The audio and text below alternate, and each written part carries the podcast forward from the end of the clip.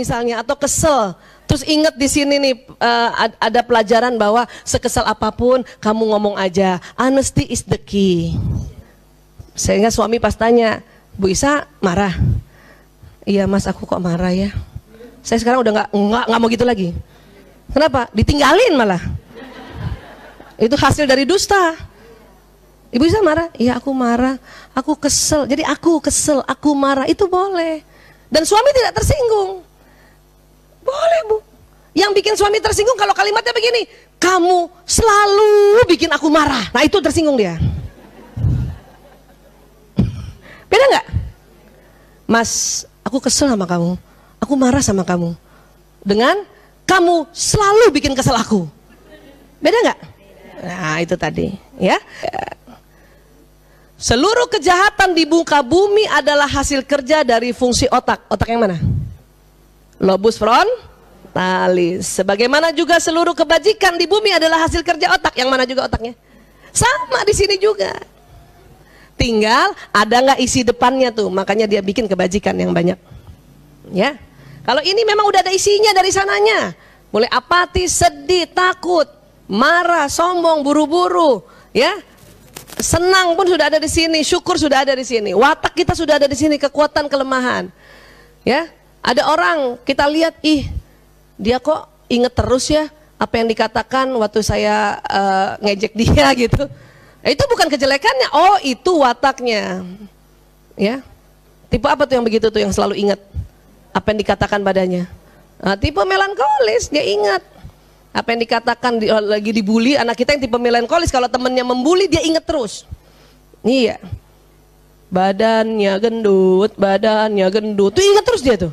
Nah, itu pun di sini dia. Di sini dia ingat karena ada daya ingatnya. Pengalamannya di sini. Ya, ah itu tadi. Sedikit lagi, next. Bagaimana mekanisme kerja otak sehingga bisa menghasilkan fungsi jiwa? Ternyata kuncinya adalah konektivitas antara sel-sel saraf yang dikenal sebagai sinaps. Faham maksudnya? Artinya, kan ini udah di sini. Ini di sini udah diisi kebaikan. Prinsip-prinsip kebaikan. Nanti kita yang sambung-sambungkan dengan emosi ini, dengan watak ini. Berarti jiwa itu kita yang upayakan untuk menjadi jiwa yang baik. Kenapa? Karena ini lihat nih, kalau dilihat di fotonya ada sambungan-sambungannya tuh, kita yang nyambungin.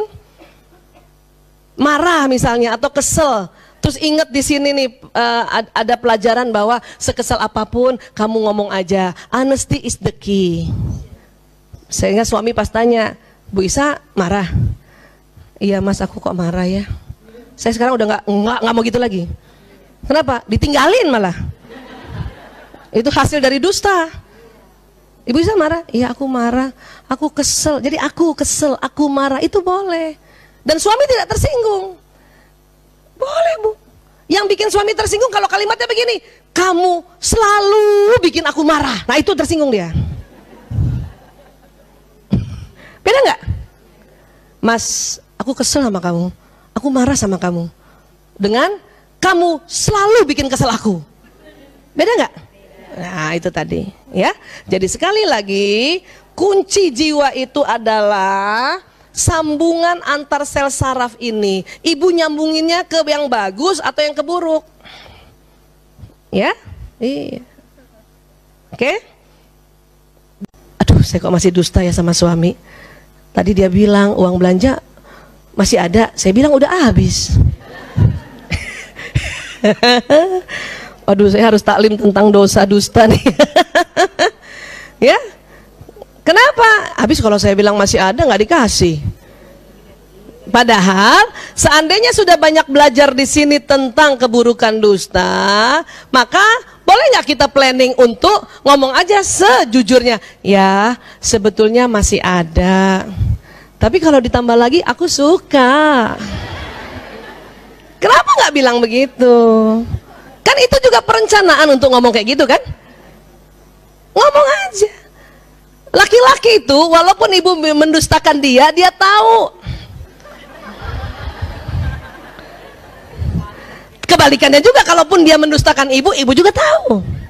Ya di mana ya? Di jalan. Hmm, gue tahu lo bohong. Pasti di kafe. gitu. Kedengaran dentuman musiknya, kan gitu ya? Iya.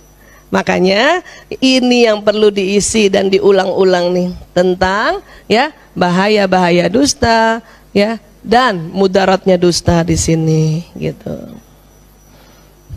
Bu Aisyah boleh nggak kita dusta karena melindungi seseorang? Itu juga ada kisah-kisah itu untuk melindungi nyawa seseorang. Kamu lihat nggak tadi misalnya ada ibu uh, anak kecil lari ke sini? Enggak, sana kali Berarti kita mau nolong itu kan? Tapi itu harus juga di planning di sini di frontalis bahwa saya niat menolong dia. Maka saya berkata yang tidak sesungguhnya.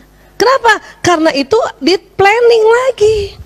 Karena kita tahu sekarang hati-hati anak kecil dicari-cari. Untuk diapain? Diculik atau maaf disodomi. Kalau kita lihat ada anak kecil lari-lari, kemudian kita lihat dari jauh ada bapak-bapak perlente banget. Oh, waduh, waduh, bahaya nih. Saya bapaknya, saya nggak lihat pak, saya juga nggak tahu kalau bapak bapaknya. iya dong, iya.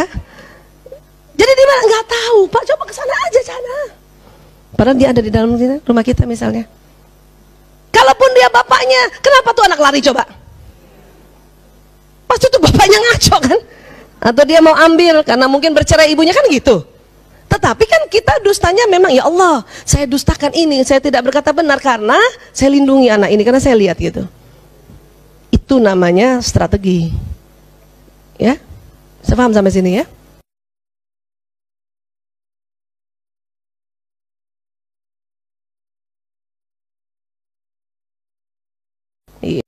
Kenapa? Karena perempuan itu mudah baper. Ya, walaupun baru pengantin baru tuh suami sebenarnya seneng ya istrinya baru. Emang iya istrinya baru. ya, cuman kita yang baper. Kenapa? Karena kita belum banyak belajar. Kita menikah di usia muda. Waktu itu kita ingat ya, ibu-ibu waktu itu ada yang nikahnya umur 17 tahun ya. Kan mudah banget ya. Belum belum belum rajin talim kan, Bu? Makanya kita pasti di awal-awal pengantin kita pasti baper kita bahagia nunggu suami gitu ya karena pengantin baru. Eh, mukanya rata datang. belum belajar kan? Belum belajar kan? Sama saya juga waktu itu belum belajar. Saya pikir tuh suami nggak seneng lihat istrinya gitu ya. Padahal sebetulnya seneng bahkan laki-laki walaupun mukanya rata dia bergairah lihat istrinya. Ibu harus camkan dalam otak ibu. Tuh suami mukanya rata dia bahagia lihat saya. Gitu bu. Karena banyak kita baper. Sambut senyum suami. Suami nggak balas. Menit ke enam salah sangka tuh kan dia nggak suka pulang. Menit ke tujuh mukanya berubah. Istri yang galak dia bilang sama suaminya apa? Kalau nggak suka pulang jangan pulang. Suami tuh bingung makanya laki-laki suka bilang saya salah apa lagi? Pulang salah nggak pulang salah? Ya bu. Itulah pentingnya ibu-ibu taklim itu karena banyak penelitian-penelitian baru terutama untuk otak ya. Itu kita mencerahkan. Ibu, siapa yang sudah dengar itu bahwa laki-laki 10 menit pertama memang mukanya rata? Udah dengar kan? Sudah oke okay, kan? Tidak tidak baper lagi kan? Keren. Keren. Ya Allah, suami gue laki banget. Nanti anak tanya, kenapa bu? Laki banget. Mukanya rata.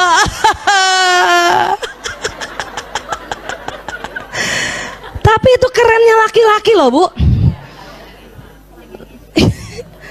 Jadi kalau suaminya datang ya Allah cool banget. Itu tanda kewibawaan. Oke? Okay? Iya, jadi paham ini ya. Nah sekarang, nah di mana tadi bu letaknya kelenjar pituitari? Pernah lihat film India? Sering wanita India pakai apa? Ini, namanya bindi. Makanya wanita India selalu bahagia kesel nyanyi. Tinggal suami nyanyi. Ditilang polisi nyanyi. Kenapa? Ada stimulasinya. Makanya kalau ada sta statistik jarang wanita India pakai narkoba. Kenapa? Buat apa? Orang udah ada sini ya dia bahagia terus. Paham ya bu? Makanya pengantin-pengantin pakaian pengantin daerah Indonesia itu selalu ada tanda di sini. Betul bu ibu pernah pakai baju apa Sunda kan ada sini ya Bali juga ada, Makassar aja ada juga, ya, supaya menahan kebahagiaan bu. Paham ya bu? Kok laki-laki enggak? Karena perempuan yang harus banyak distimulasi. Kita nih, semakin cerdas seseorang, sambungannya semakin banyak, semakin rumit dan semakin ribet, semakin ruwet. Makanya ibu-ibu kalau merasa ribet berarti tambah cerdas. Fahami ini. Saya sering melihat ibu-ibu pada saat dia ribet dia marah. Ya aku ribet banget sih, Ih, gitu kan? Padahal ketahuilah itu tambah cerdas. Maka sekarang setelah tahu bilang ribetnya yang bahagia gitu dong. Ya Allah aku ribet banget. Ih aku ruwet banget ya Allah Bahkan Alhamdulillah Alhamdulillah ya Allah Aku ribet banget Karena memang sesungguhnya ya Orang yang ribet adalah orang yang banyak punya apa? Punya masalah yang harus dia pecah pecahkan. Makanya sambungan otaknya tuh tuh tuh tuh tuh tuh tuh tuh oh luar biasa. Sampai sini bisa sepakat ya? Boleh mulai sekarang bilang ribetnya bahagia gitu. Ya Allah ribet banget. Aku lagi ribet. Telepon temen gitu gitu. Mbak Yanti lagi ngapain? Alhamdulillah lagi ribet. Ya Allah. Kita juga harus ingatkan cerdas banget. Nah, Makanya oleh para ahli sains neuroscience, pertama mereka menganggap apakah data-data itu atau program yang ada di sini itulah yang disebut jiwa. Ya. Nah, itu masih apakah? Kita lihat lagi, ya.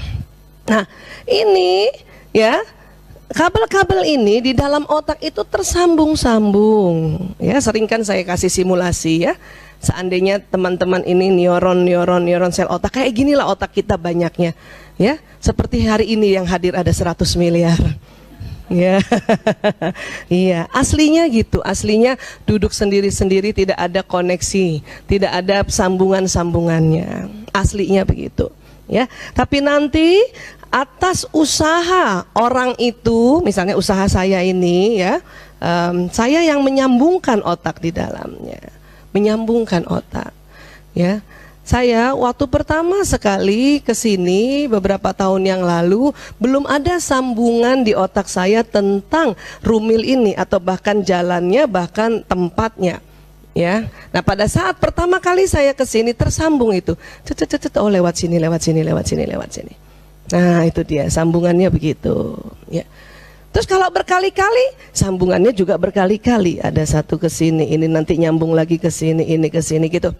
Ya, makin sering kita ulang-ulang, maka sambungan dari sinaps ini akan sering terjadi.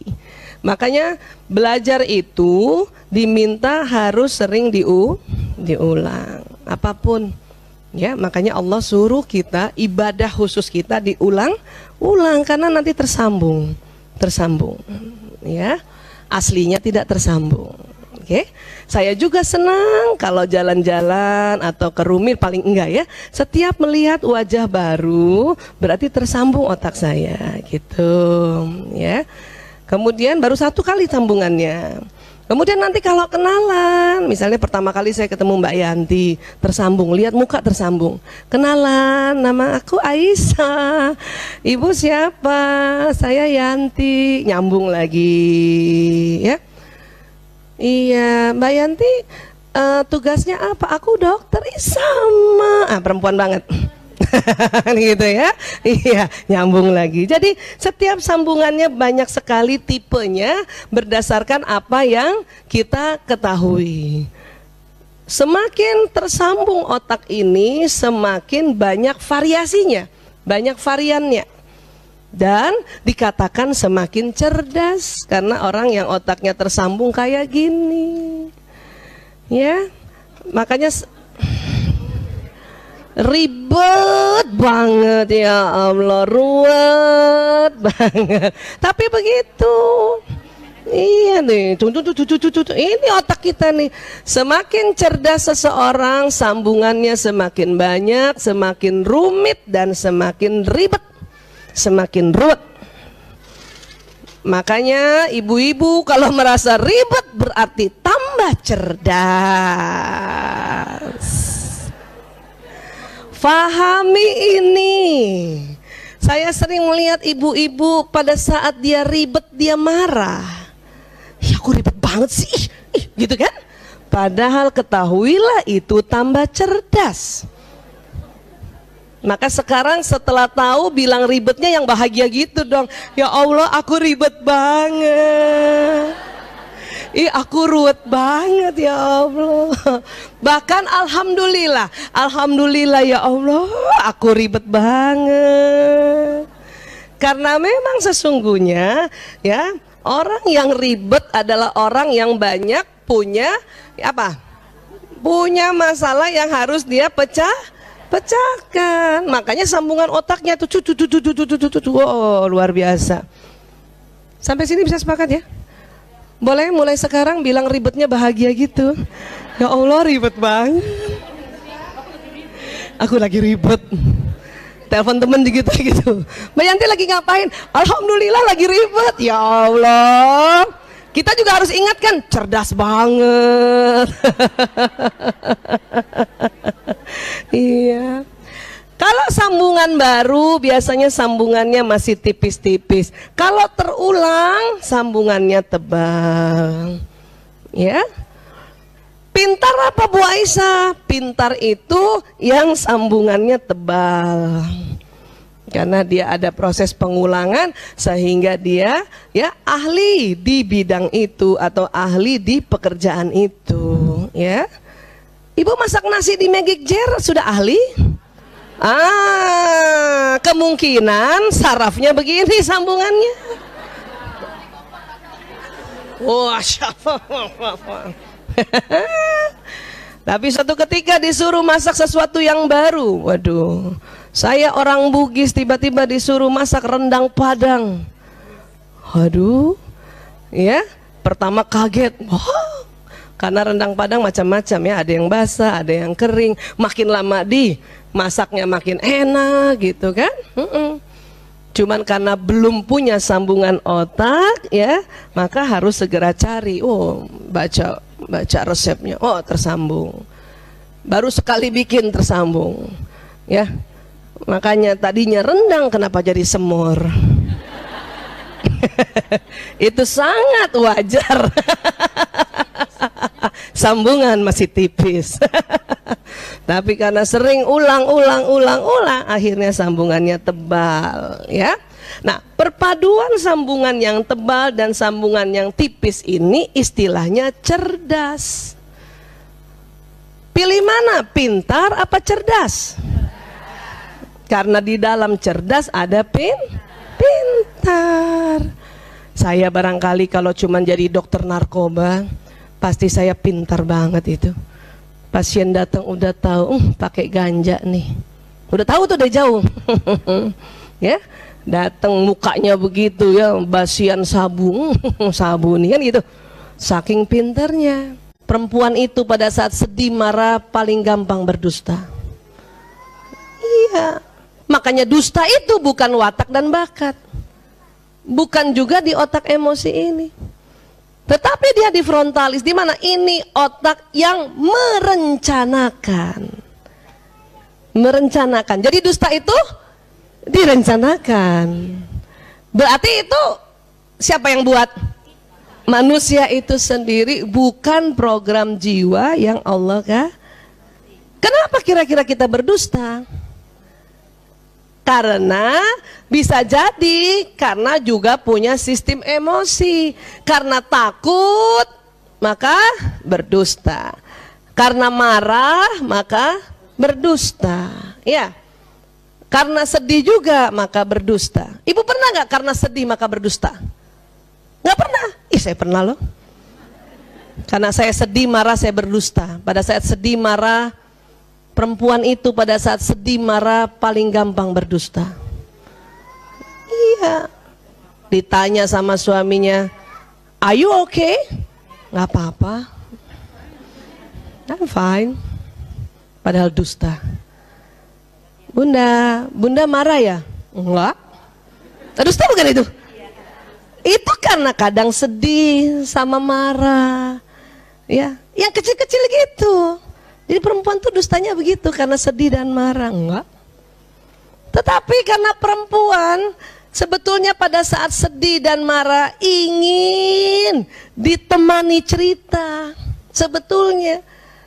Cuman kekeliruannya itu pada saat ditanya, "Mama, marah ya?" Enggak. Walaupun dalam hatinya, tanya lagi dong, tanya lagi dong. Laki-laki tidak paham itu, Ibu. Karena laki-laki menganggap, ini laki-laki ya, Ya sudah kalau gitu kamu nggak apa-apa, mending aku pergi aja. Pada saat mama marah ya enggak. Apa kata suami? Ya sudah, papa ke bengkel ya.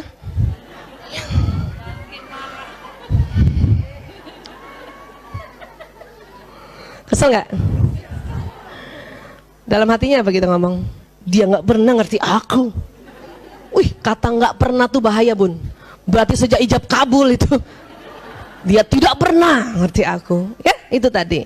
Jadi, ya, ini kan ubun-ubun nih nasihat tadi kan kalau kita berdusta dan durhaka ditarik sininya. Kenapa? Karena durhaka itu bentuk pembangkangan itu juga planning, perencanaan otak yang ini. Frontalisnya. Seandainya misalnya ya, ya ayat seandainya mengandai-andai dikatakan bukan ubun-ubun yang ditarik tapi di belakangnya ubun-ubun di sini, Nah, bisa jadi berarti dusta itu watak. Ya. Itu.